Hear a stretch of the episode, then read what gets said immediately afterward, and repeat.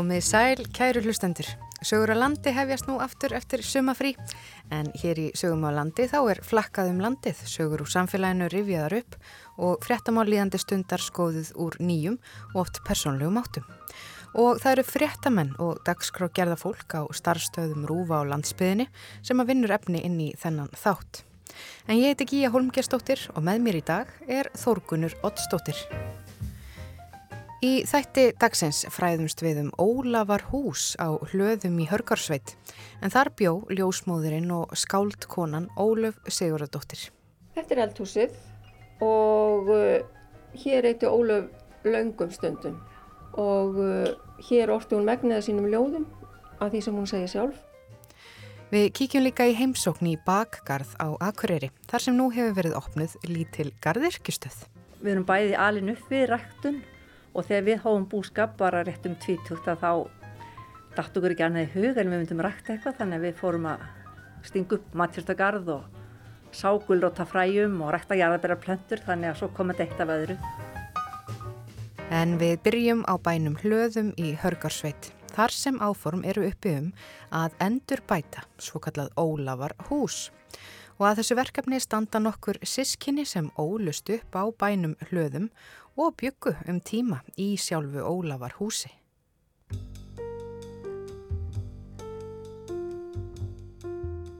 Mér rámar í það þegar að ramagni kom. En ég sko, ég man það ekki vel en mér rámar í það að það var allt í hún allt svo bjart. Og ég man eftir, en svona óljóst eftir, óljulömpunum og það er mjög, mjög óljóst en svona, það er svona einhvern veginn þetta með ljósi það, það er svona það man, ég, ég man bara þegar það byrti Já, ég heiti Guðrún Stefánsdóttir og eh, er uppalinn hérna á hlöðum þar sem við erum stattar akkurat núna.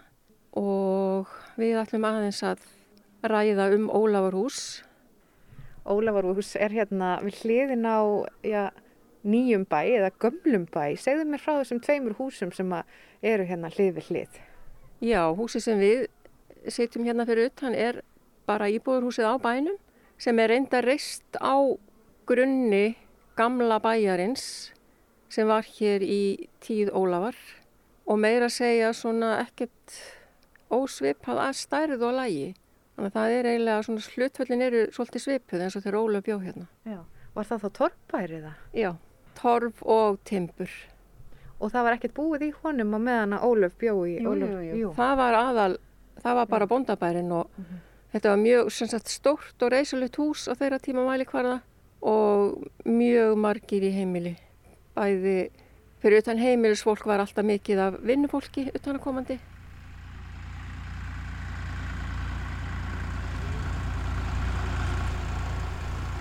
Við heyrim hérna í dráttarvél. Hvaða búskapur er núna á jörðinni?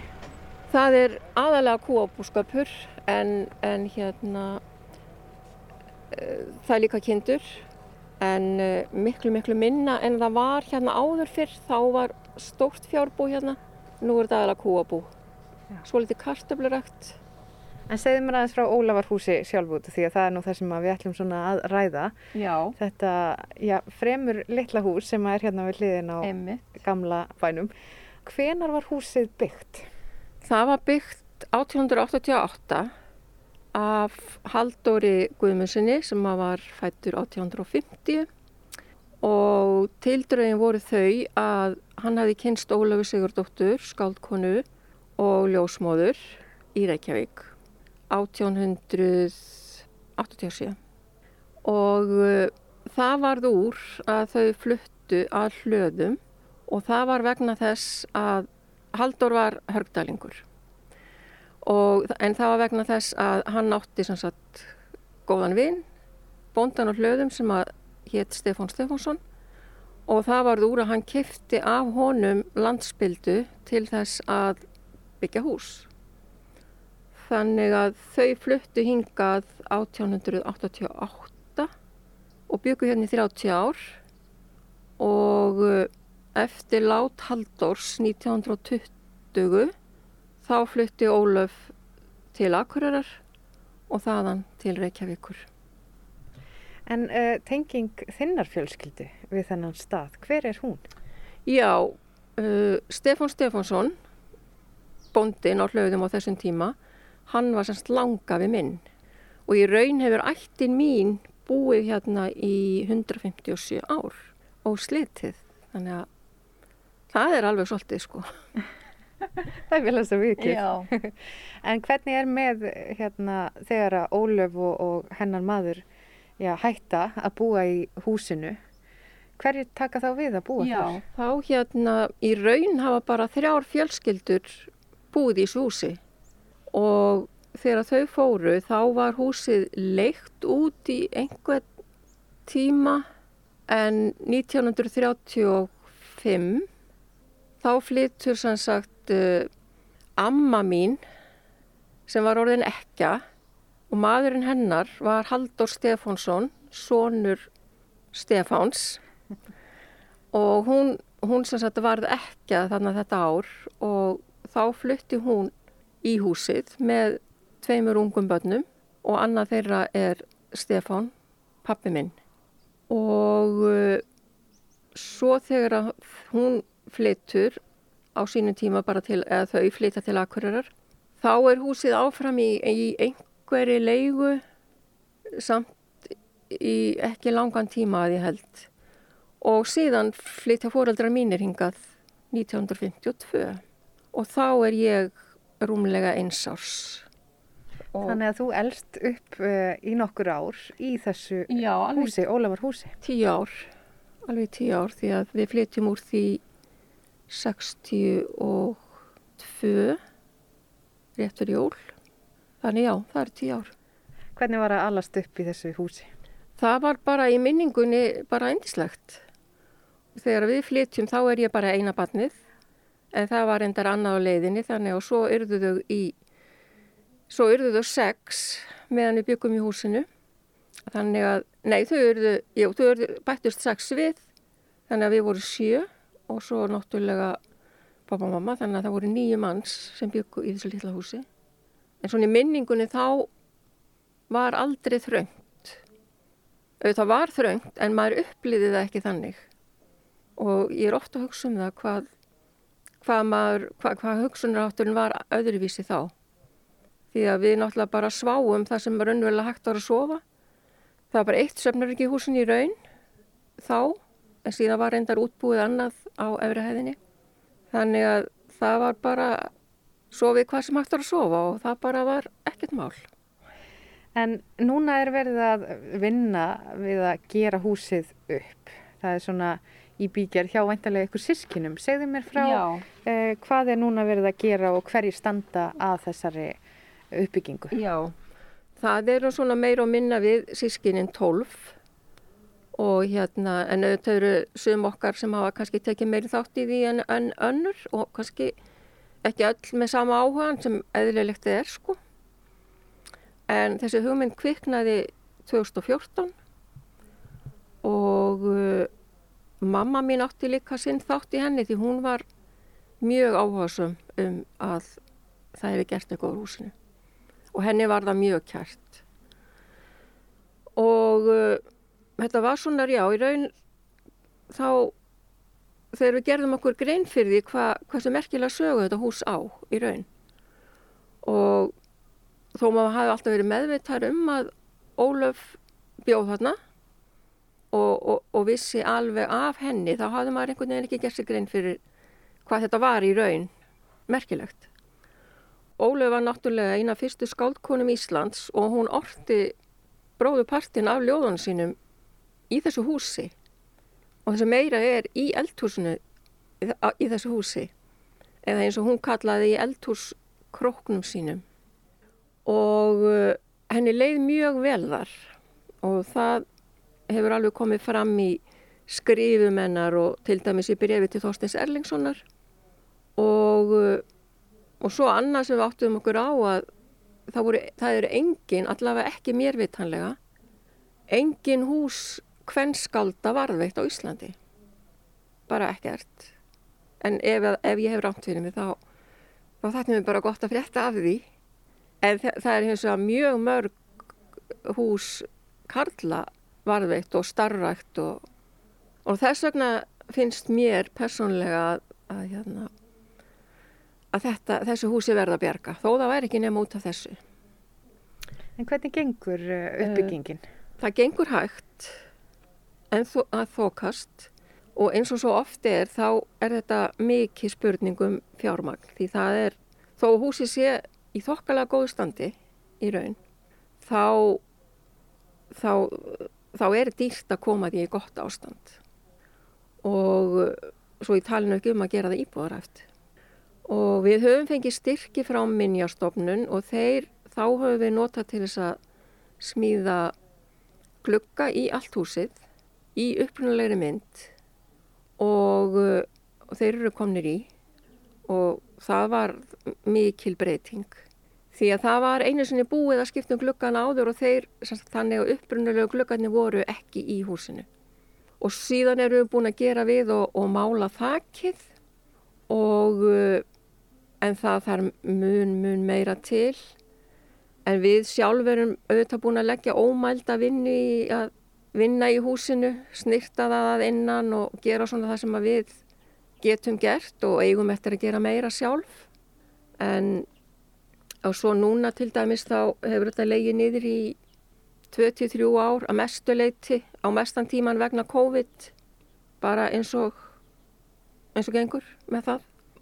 En uh, við erum í starthólunum þegar að byrti til og ný og, og hérna og við höfum reynd að sækja um styrki frá ímsum aðilum en uh, það hefur ekki gengið vel og það er svolítið svoleiðis að hérna það virðist verið erfitt að fá styrki til þess að gera upp hús eins og þetta, að koma því í, í gott lag. En svo væri muni auðveldur að fá styrki ef að það væri komin starfsemi sem þarnaðist einhver stuðnings. Þannig að þetta er svolítið brekka með, með þetta. Já. En hvaða, já þið hafið aðeins opnað húsið fyrir fólki og margir eru áhuga samir hvaða já. viðburði hafið þið verið með uh, í húsinu? Já, það er nefnilega margir áhuga samir okkur komið á óvart fyrst þegar við fórum að að hérna svona láta þetta berast en það var svo mikill áhugi bara hjá öllum sem að fréttu af svona sem við töluðum við og, hérna, og margir virtust vita húsinu en svo voru mjög, mjög margir sem að vissi ekki neitt um og komið þetta bara á óvart. En við hefum sínt húsið svona litlum hópum sem hafa sóst eftir við höfum ekki verið að auglýsa neitt en það aðstæðan er ekki þannig að það sé hægt. En við höfum samt sem á því að það hefur fólk leytast eftir í að að koma og skoða.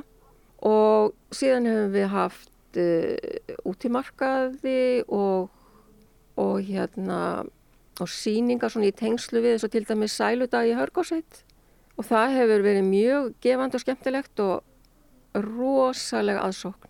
Bara meir en við hefðum getað ímyndað okkur.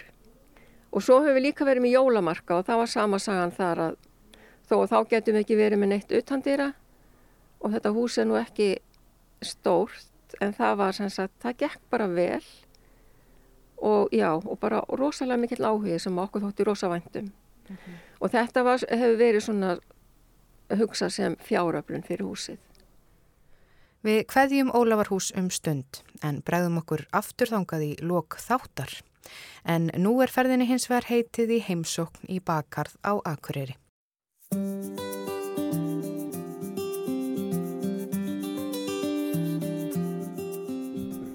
röldum hérna inn í, í gróðrús og, og, og lítum á þetta er náttúrulega svona farið að síga á setni hlutan hjá ymsum plöntum hérna inni en, en eplin eru næg en þá Já, ég heiti Jóhann Tórarinsen, garðirkjumadur og ég heiti Sigrun Hjeðinsdóttir og ég er leik- og grunnskólakennari Við setjum undir plómutrið. Ó, heyrðu, það er nú ekki amalegt. það er kannski hægt að finna eina plómið, það er búið ég að það held ég allavega. Já. En, allavega... en eplin eru núna alveg á fullið hérna. Já, vá. Ég, ég minnist þess allavega ekki að hafa áður sest undir plómutrið á Akureyri, þannig að það er allavega í fyrsta skipti. Og er, er einhverja plómur hérna, er búið að týna það? Við það eru sko, ég held að það hefur verið borðaðar það síðustu bara hérna á, á við vorum með hérna lítinn markað, uppskerumarkað Já, og, og þá voru að borða, reyndar höldum við alltaf hérna uppskeru hátíð líka á haustin, þannig að við reynum að ná dætrunum að sunnan já. Nei, hann eru tvær. Já, svona lo lo lokki börnin norði með, með græmint og ávöxtum. og höfum hérna plómuhátíð sem við kvöllum Já, þannig að það byrjaði nú með plómunum það var svona stærstu eh, mesta uppskera var af því já, og eru þessar alveg, þessar Getið bara smakkað? mjög góðar já, þetta eru algjör sargeti. og er þetta bara, er þetta epli frá þetta er bara ykkur? efli af þessu hérna Já. og þau eru til sko þau eru falla eitt og eitt. Já, þá eru þau, þá eru þau tilbúin. Ef maður fyrir að slíta þau af já, þá eru þau hérna þá eru þau ekki tilbúin, þá eru þau Nei. súr og hörð. Þetta er heilmikil epla uppskera. heil mikil, já, já, já, já. við þurfum að hafa okkur öllu. Við að hérna heimilismenna komið þessu í ló. Öllu saman. Eh, Hafið þið alltaf verið með svona græna fingur? Já, það má eiginlega segja það alveg frá, við erum bæði alin upp við ræktun og þegar við hófum búskap bara rétt um tvítugt að þá datt okkur ekki annað í hug en við myndum rækta eitthvað. Þannig að við fórum að stinga upp matjúrstagarð og ságulróta fræjum og rækta jarðabæra plöntur þannig að svo kom þetta eitt af öðru. Þannig að svo hefur það orðið svona bara okkar leið að ljós að rækta mest af okkar grænmeti og berjum. Og svo erum við líka duglega að sapna okkur sem náttúran gefur eins og bara bláberjum og hrútaberjum og öllum mögulegu þannig og sveppum. Eh, Hvað er það við það að rækta sitt eigið græmiti sem að ykkur finnst svona heillandi? Það er náttúrulega bara, þá vitum við svo nákvæmlega hvað við erum að borða og svo finnst okkur auðvitað svo mikilvægt að þurfa ekki vera flytja grænmeti og ávesti langa leiðir fyrir okkur til að borða þannig að við viljum stuðla að kólefnisspori verði nú sem minnst sem við skiljum eftir og þetta er svo gefandi líka að fylgjast með grænmeti, vera að vaksa við erum alltaf að gera einhverja tilraunir, prófa hvernig þetta komin út þó við höfum þetta mikinn stöðuleika líka því við verðum að hafa okkar fasta grænmeti Já. Þú vinnur sem, sem garðirkjumadur uh, og nennir alveg að fástu þetta líka svona í frítímanum? Já, hefði maður er bara heldtekinn að þessu. Þetta er náttúrulega svona öðruvísi svona heima við. Maður er ekki mikið að, að búa til epli og plómur og, og þess áttar í, í vinnunni en, en svona, þetta er svona hobby líka. Og svo finnst okkur já bara þetta orð sjálfbærni vera svo óskaplega gott og, og viljum endilega, endilega vinna í, í þess anda og hafa allt okkar grænmeti hérna svona heima fyrir. Uh, og er það alveg, alveg raunhæft? Er alveg hægt að vera já, sjálfbær með sína græmitis uh, neyslu bara í vennilegum garði á Akureyri til dæmis?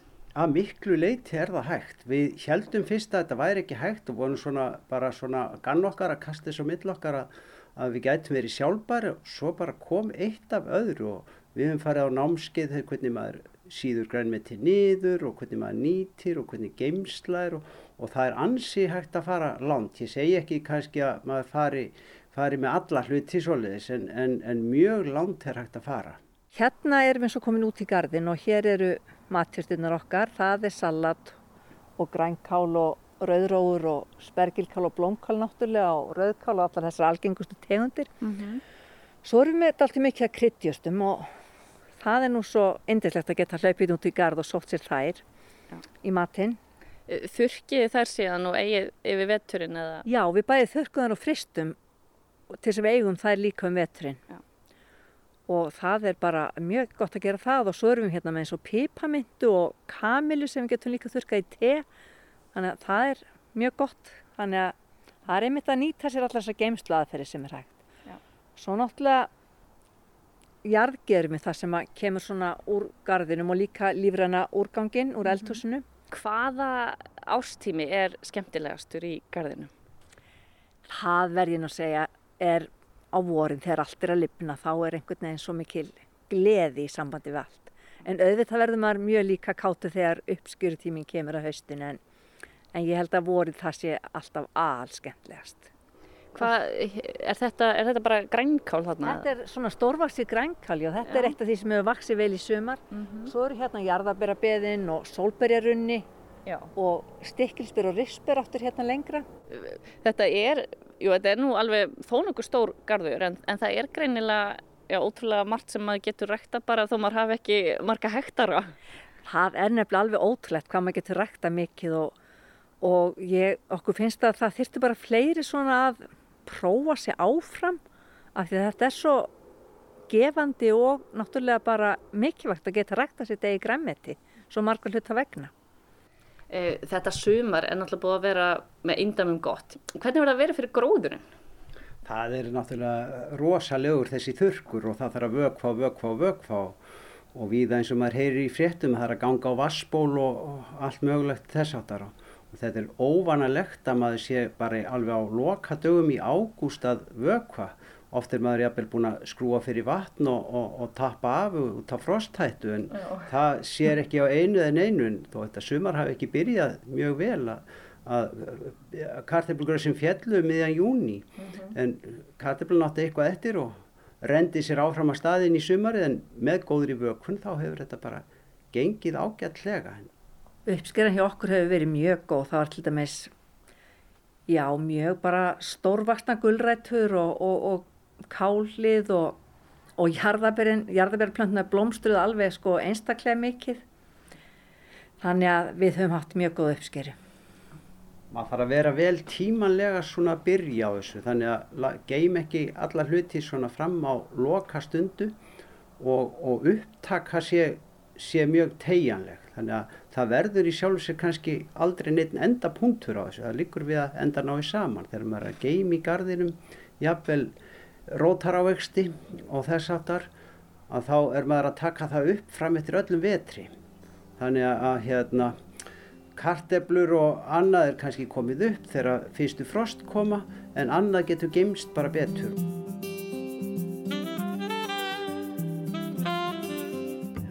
Hérna er aðstæða sem ég, ég hef haft undir, undir laukana og hér er ljós og annað og híti hér undir borði og Og hvað er, hvað er byrjað að spýra hér? Þetta er, er lavender, þetta er, hérna, þetta er okkar ilmjurt sem við, sem við ræktum hérna sunna við hús og, og þarna saminast eiginlega ræktun og, og bróðir í, þessu, litlir, litlir ilmpokkar sem verða til af þessum þurkuðu plöntum. Hvernig það á ekki lavendur líka að vera rosalega gott gegn lúsmínu sem er búið að vera að herja okkur hérna í sumar? Heldur betur, það skilst manni að það sé, sé með því betra sem maður þannig að hérna, það er örgulega gott að nutta því gluggakarma og svona. Segji mér hans frá þessu verkefni ykkar eh, já, með að í rauninu opna litla gróðrastöð í gardinum, eða gardiskjustöð. Hva, hvað kallið þetta eftir? Litla gardiskjustöðin heitir hún. Og já, við fórum svona velta fyrir okkur að það fer að síga á setni hlut hann í, í ofinberi vinnu hjá okkur og, og þannig að okkur langar til að, að að gera eitthvað meira og halda áfram og koma með góða heilsu inn í þessi setni ár. Þannig að hérna, við fórum að hugsa hvað við getum gert og bakklóðin býður bara upp á þetta.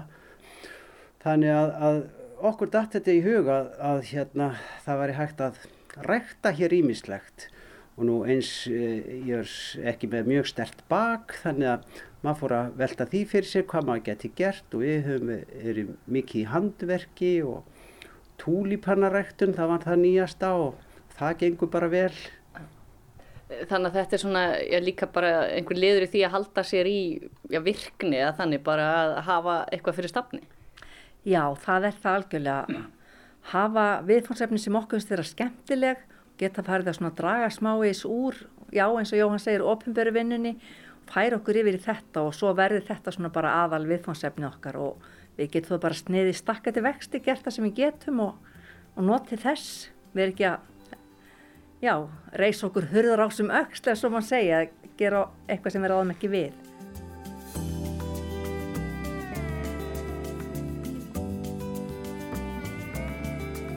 Það er framleiðsla hérna á, á hérna jarðaberjaplöntum. Nú er jarðaberin að byrja að skjóta renglum út og mm -hmm. þá er um að gera hyrða undan góðum plöntum og hér eru þær að byrja að vaksa. Og, er þetta þá eitthvað sem verður bara sett neyður næsta vor? Verður bara söluvara í, í, í, í haust eða, eða næsta vor, Já. trúlega. við, húsið eiginlega breytist svolítið um svip á, á hérna, tímabilum sko, á, á vorin til dæmis í, svona í, í mars, april þegar starfseminn fer hérna í gang þá eru allt fullt af sáningabökkum og, og, og matjörtum og svoleiðis þegar komið er fram í april en svo þegar komið svona inn í sumari þá reynum við að breyta þessu yfir í blómahús meira Já. og þá erum við meiri í, í frí og getum komist í burtu frá þessu og svoleiðis. Þetta er hindberjahúsið okkar sem við kallum. Við urðum svo spenntir nokkrum árum að rækta hindber. Já. Að það dögði ekkert minna en búa bara til lítið hús fyrir þau.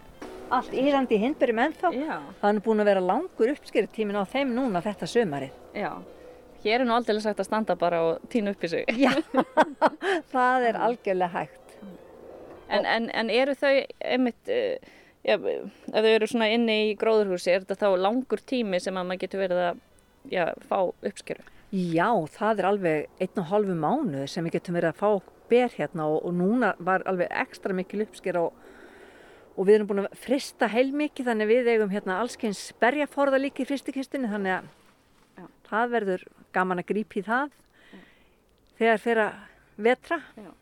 Er eitthvað sem þið hafi reynd að rækta og hefur bara eh, alls ekki tekist.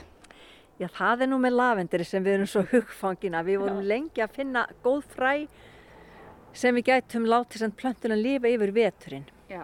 En svo fundum við að lokum fræ í Danmörk og, og hérna tókst að gera það. Þannig að nú erum við komið gott lavendirbeð fyrir sunnanhúsið sem við getum bæði kliftaf og þurkað og bara notið þess að horfa yfir sumarið. En, en er eitthvað svona sem ykkur dreymir um að, dreymir um að rækta? Það er ju alltaf skemmtilegt að prófa sig við einhverju hluti. Nú erum til dæmis aprikósutrið sem okkur langar að fara að fá okkur til þess að prófa hvort að þær vil ekki dapna hjá okkur hérna í gróðurhúsinu. Já. Og auðvitað breytir það mjög miklu þegar maður hefur gróðurhús. Þá getur maður náttúrulega rækta svo miklu meira þannig að, að það er mjög skemmtilegt að geta gert það. En þannig að þið eru svona að já, prófa ykkur áfram og þetta er ekkert alltaf, alltaf eins. Þið eru svona að finna kannski upp nýjar aðferðir og, og svona finna út hvernig er best að, að hafa þetta? Já, það er allt mögulegt í því og við erum bara tekið allskynns ævintýr í þessu, gleyminu ekki þegar við vorum að rækta mæsin að hérna, það er svo mest, mest í drikkjubolti sem ég hef komist í kynni við. Hann hérna, þetta var svona uppbyttið tveggja metra hár og það komu sjálfsagt einni tíu mæskólvar á þetta lokum en en það var búin að fara margar, margar, margar könnur af vatni í gegnum hann áður en hann, þannig að það var mikið fyrir honum haft, það var dýr mæs en hann var góður. Ég held við förum ekkert út í það meira. Svo er nú bara eitt þáttu náttúrulega sem er mjög mikilvægur í allir í ræktun og, og umgangast gróður, það er, það er þessi ró sem maður fær út því. Þetta er svona hvern heilun og bara hugar ró og öllum líður vel í garðikistörfu, segjum við allavega. Þegar maður er að rækta plöntur þá er maður að rækta sjálfans í, í leiðinni þannig að það er bara mjög góð, góð ræktun.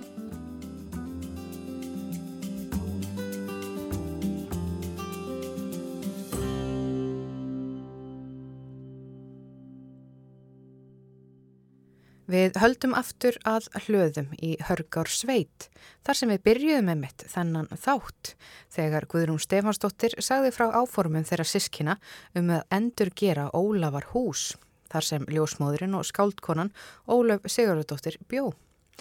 En við skulum rifja fyrst upp æfi skáldkonunar og ég les hér upp úr tólta hefti af heimaslóð sem er árbók Hörgársveitar og það er rittstjóri heftisins Bjarni E. Guðlefsson sem að rittaði þar æfiferil Ólafar. Ólaf Sigurðardóttir var fætað Sauðadalsá á Vastnesi 9. apríl 1857, næst yngst 16 sískina. Fadir var Sigurður Sigursson Guðmundssonar, ættaður úr borgarfyrði. Móðir var Magdalena Tómasdóttir en hún var af sumum talin Sigurðardóttir Ólafssonar frá Katadal á Vastnesi. Þá hefur móðir Ólafar verið hálfsistir Fridrik Sigurssonar, er tekin var að lífi í síðustu aftöku á Íslandi. Magdalena var skörungur og lést í hári elli á hlöðum hjá Ólufu. 19 ára flytur Ólöf til prestfrúarinnar á tjörn á Vastnesi, Ingi Björgar Eggersdóttur. 24 ára fór Ólöf til Reykjavíkur og lauk ljósmóðurnámi árið 1881. 25 til 26 ára stundaði Ólöf framhaldsnám í ljósmóðurfræði í Kaupmannahöfn. 27 til 30 ára stundaði Ólöf ljósmóðustörf í Reykjavík Hún kynntist þar Þorstinni Erlingsinni og helst vinátt að þeirra til dauða dags. Kynntist einnig Stengrimi Torstensinni. Ólöf hafði lengst af áhuga á spiritisma. 30 ára giftist Ólöf að Haldóri Guðmundsinni, trésmið og kennara á hlöðum í Hörgardal, fættur 1850 í dagverðar tungu en hann var sonur Elínar Erlendstóttur og Guðmundar Halldórssonar bónda í Glæsibæ og húsmanns á tréstöðum, vinnumanns í skriðu. Eftir Halldór byrtust smá sögur í einriðinni. Halldór reyndist ólöfu vel en hún var heilsu veil og kallaði hann fóstra sinn. Eftir þetta hefur Ólöf verið kent við hlaðir, ímist sem Ólöf á hlöðum eða Ólöf frá hlöðum. 31 ás flist Ólöf að hlöðum í Hörgardal og þar byggja þau hús. Fyrsta ljóðabók Ólafar, nokkur smákvæði, kom út. 56 ára. Önnur ljóðabókin sem einni hétt nokkur smákvæði var gefin út. Ólöf skrifaði þar að auki talsvert í óbundnu máli. Reitsapn kom út árið 1945. 63 ára fær Ólöf skáldalön Haldur Deyr og Ólöf flist til Akureyrar og býr hún um tíma í húsi mentaskólans á Akureyri undir vendarvæng Stefáns skólamestara. 67 ára flist Ólöf til Reykjavíkur. 75 ára Deyr Ólöf Sigurðardóttir skáldkona á elliheimilinu Grund 20. og 3. mars 1933. Og var Ólaf sjálf mikið í búskapnum? Nei, hún var bara hérna útaf fyrir sig eða þau í, í litla húsinu en hún sagt, bjóð til hennar blómagarð eða garð sem var hér Já. og var blómagarður sem hún kallaði og uh, til dæmis er þetta tré, hún gróðs að þetta tré. Já. Þetta er svona reyni tré og væntalega hefur stækkað mikið Það er búið að sagt, eh, minnstakosti einu síðan sem mann eftir að falla alveg niður þannig að það óks bara upp aftur. Þetta er náttúrulega orðið ansi gamalt. Hvað kallaði hann þetta tré? Hún kallaði þetta hrísluna sína og það er alveg til sagum það að hún vildi samsagt kvíla undir hríslunu sinni og reyndi að fá leifi til þess en, en fekk það ekki en hérna það fylgir líka sögunni að það hafi verið sagt við hann af, af uh, kirkjunamönnum að ef þeir vissi ekki, um, vissi ekki af því að hún fær undir treð þá getur þau náttúrulega ekkert gert. En já það var hennar ósk og líka kom það fram í, í brefi til Þorstins Ellingssonar þar sem hún var að segja honum frá gardinum að þar er þið hann að finna þegar hún væri öll þannig hver veit.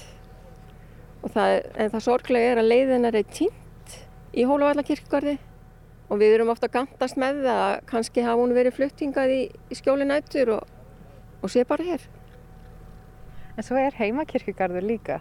Já og þar kvílir maðurinn hennar hann Haldur en langafi minn sem svona reisti þennan garð. Og þar eru já þessi ættmenni mín sem að Já, frá sagt, móður Stefán Stefánssonar langaða míns jarðsett hér og fóreldra mínir líka.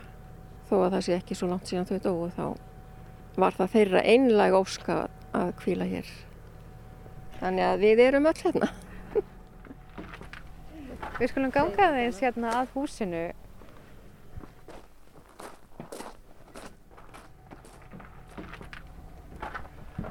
Nú erum við komin inn í Ólafarhús og við stöndum í rými sem er eldavél hérna.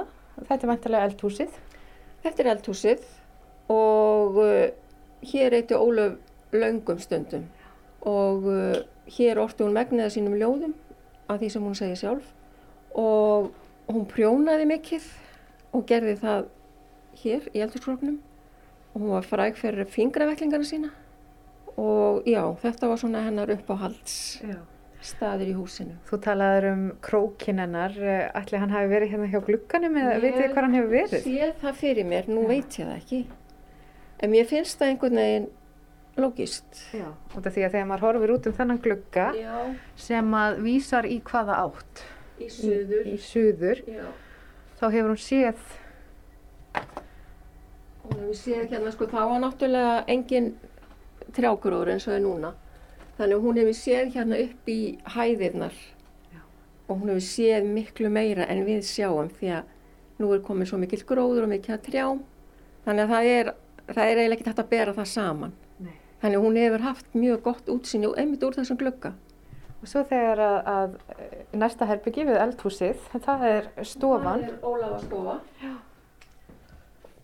Já, nú erum við í Ólafastofu og þetta var svona hennar musteri og uh, hér tók hún til dæmis á móti gestum og mörgum þjóðþektum mönnum. Eins og Mattiasi Jokkumsinni, Ólafi Davísinni stjósagnarittara og Þorstein Erlingsinni og eflust þjóð, fleiri þjóðþektum mönnum sem hún átti að vinum. Og uh, við sjáum hérna mynd að hlöðum á þeim tíma sem hún var hér. Þetta er sem sagt gamli bærin, Já. þar sem að íbúrúsi stendur núna. Og hérna er uh, Ólafar hús og, og hér sér maður svona hvíta girðingu sem að Já. hefur afmarkað Já. hennar garð. Og ingangurinn var hér og svo gengið með fram músinu og Þannig að ingangurinn hefur verið færður frá suðurliðinu. Já, já, hann, já, hann var reyndar, já, þegar ég bjó hérna þá var hann reyndar bara eins og hann var upphaflega, þó að núna síðan það ekki. En svo hér inn af stofunni er, er herbergi sem að, já þau hafa tilenga sér svona hvert sitt herbergi má segja. því í raun þá lifðu þau frekar einangruð lífi. Þau voru bara, hérna, hún kallaði hann fóstra sinn og þau lifðu ekki hjónalífi í raun. Hann var svona, hann hugsaði mjög vel um hana og hann var svona meira verndari og fóstri heldur en kannski eigin maður. En að sjálfsögðu voru þau hjón en hann sem sagt hann sem sagt hérna, þetta var hans aðsetur og þetta var sem sagt smíðastofa og líka hans sefnherbyggi þannig að hann hefði látið sér næja lítið pláss. Já, ef hann hefur verið með smíðaðastöðu og Já. rúm hér, þá er ekki mikið Það eftir. geti hugsað sér að hann hafi verið með rúm hérna, Já, þvert yfir og verið svo með eitthvað borð hér og það er ekki mikið plás. En hvar svaf Ólöf? hún svaf í stofunni sinni. Í stofunni. Já, þetta var, já, þetta var bara hennar aðsetur. Sko. Og svo hérna þessi áhöld sem er hérna á veggjónum. Já, það eru smíða áhöld Þau- á veggjónum. Já, þau sem sagt eru úr uh, gamla húsinu eða sem sagt bóndabænum. Þar var svona smíða verkstæði og okkur grunar að þau hafi nú kannski verið notuð jæmt af honum Halldóri og, og afa mínum. Þannig að maður veit ekki hvað af þessu er kannski upprunni frá honum eða afa mínum. Þannig að Það eru þetta verið mikill svona samgangur á milli bæjana, væntanlega. Já, það var það. Maður er nú ekki lengi að ganga hérna í gegnum herbyggin. Veistu hvað þetta er svona stórt í fermetrum? Þetta er, sko húsið allt er eitthvað um 75-6 fermetrar, þannig að grunnflöturinn er 35 cirka. Já. Þannig að það er ekki stórt. Það hefur nú kannski verið rýmra um þau tvö hérna, heldur Já. en ykkur fjölskyldina þegar þið voru, já, við erum 7, 8, 9. Já. Já, já, það er náttúrulega verið, það er ekkit sambarilegt, það er, þannig að það hefur örgulega farið bara mjög vel um þau hér. Og eins og efrihæðinni þar er til dæmis herbergi sem að þau notuðu sem gestaherbergi. En við náttúrulega gerum það ekki. Þið nýttu hvert skúma skot. Já. Svo hérna, já, við förum hérna, við erum núna afturkomin í eldhúsið en, en svo eru þetta búr við hlið Já. eldhúsins. Hér er búr og allavega í minni minningu þá var þetta líka þvóttahús. Og ég mann sérst þetta eftir þvóttavél hérna á miðu gólfinu, þvóttavél með vindu og hún alltaf tók sér pláss en mér, manni fannst það einhvern veginn allt í lagi, mann fannst það nú pláss. Við skulum fara upp á öfrihæðina. Já. Það er þröngur lítill eh, stíi. Brattur.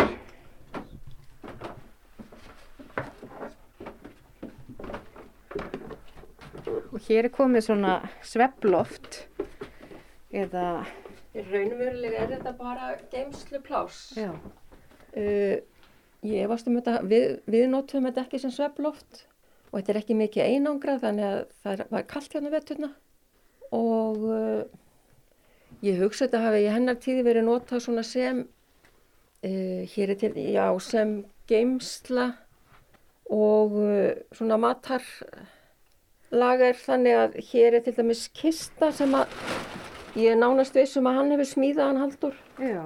Mér finnst það svo trúlegt. Já, hér hefur verið bara ímislegt svona geimt til heimilsins. Já.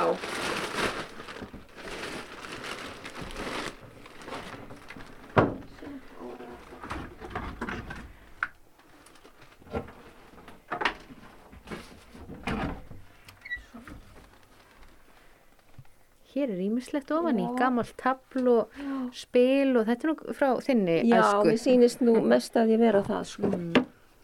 Hér er nú eitthvað sem er kannski eldra.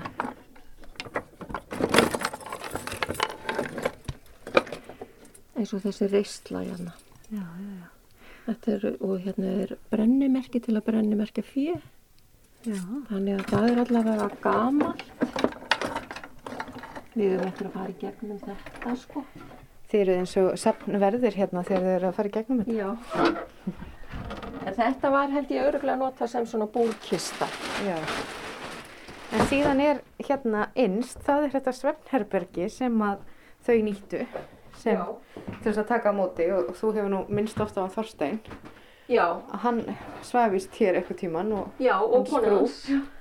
Það er hérna, það er vist nokkuð örugt að þau, ég man nú ekki alveg, en hann var allavega giftur og búin að vera giftur konu sinni í einhver ár þegar þau komið hérna í heimsók og gistu hérna hjólu og hafa gist hér. Og þá var náttúrulega, það sem er ennþá gott útsýni, en þá voru náttúrulega ekki þessi trjágróður og það er mjög, mjög fallegt útsýni út, út um þennan glugga og sést alveg yfir hörgá Já. og það sést sko yfir að vaðinu þar sem Ólafur Davíðsson fór yfir þegar hann druknaði í hörgá. Það var svo sett hérna beint af augum en við sjáum það ekki núna því að það er svo mikil trjágróður. Og þetta var nú þitt svefnherbergi.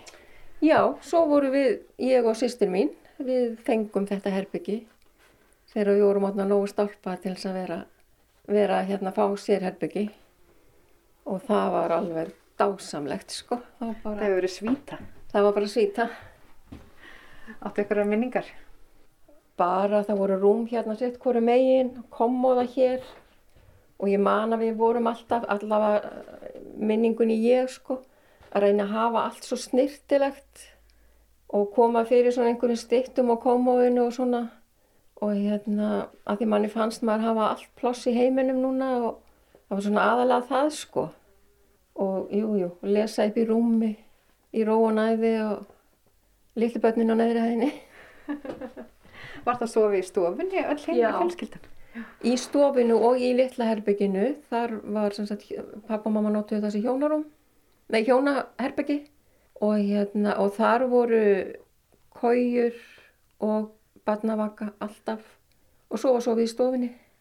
Þar var svona bekkur, seppbekkur og uh, svo bara vindsang, nei ekki vindsang.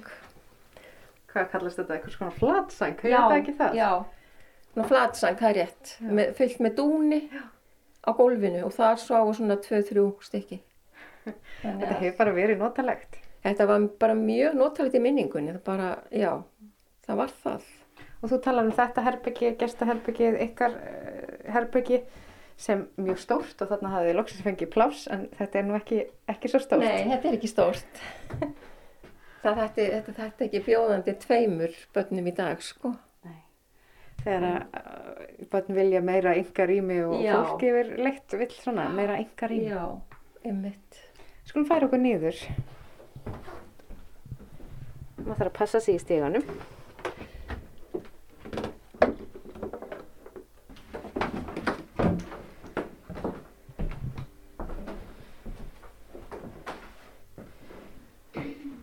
En þú talaður um að, að það sem þið gerðu síðast var að skipta hér út glukkum.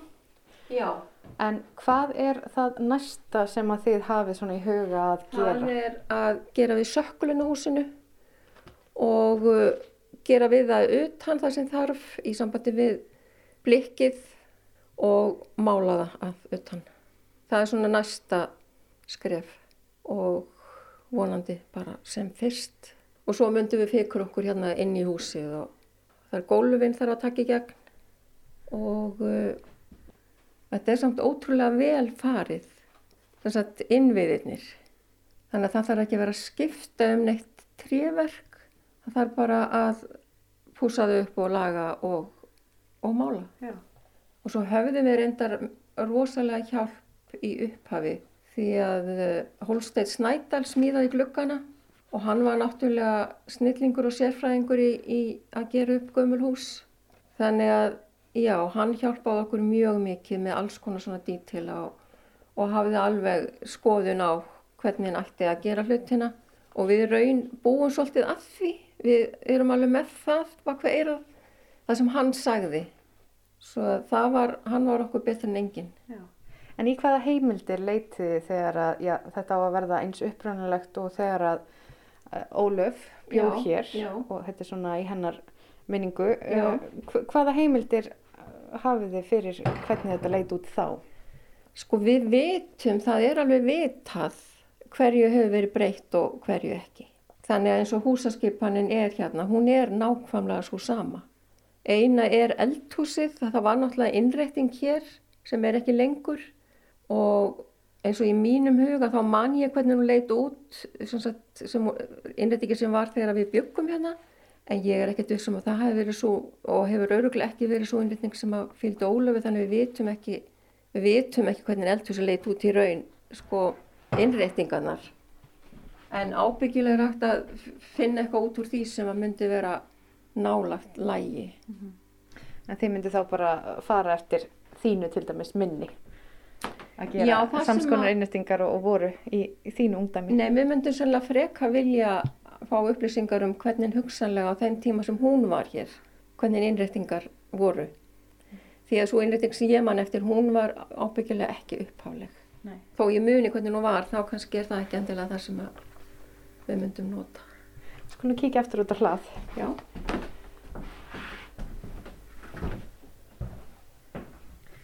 Hvernig er með já, framhaldið, framtíðina, draumarnir sem að þið hafið varðandi húsi? Hvað viljið þið, já, hvert viljið þetta hérna leið ykkur? Draumarnir er að koma því gott stand, þannig að þetta veri fallegu minnisvarði um Ólöfu og sjálfsögðu bara helgað henni og svo má alveg hugsa sér auðveldlega að nýta þetta í ferðarþjónustu. Það er ótilandi möguleikar í því.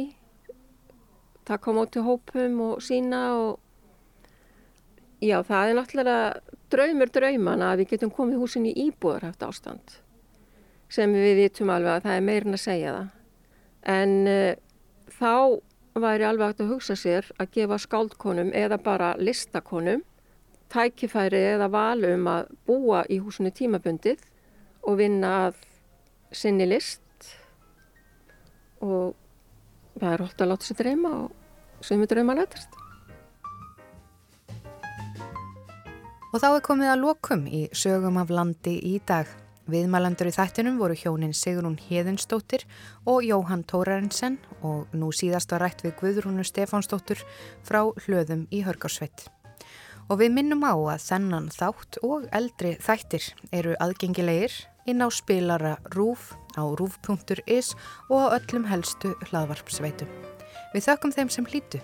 Lifið heil!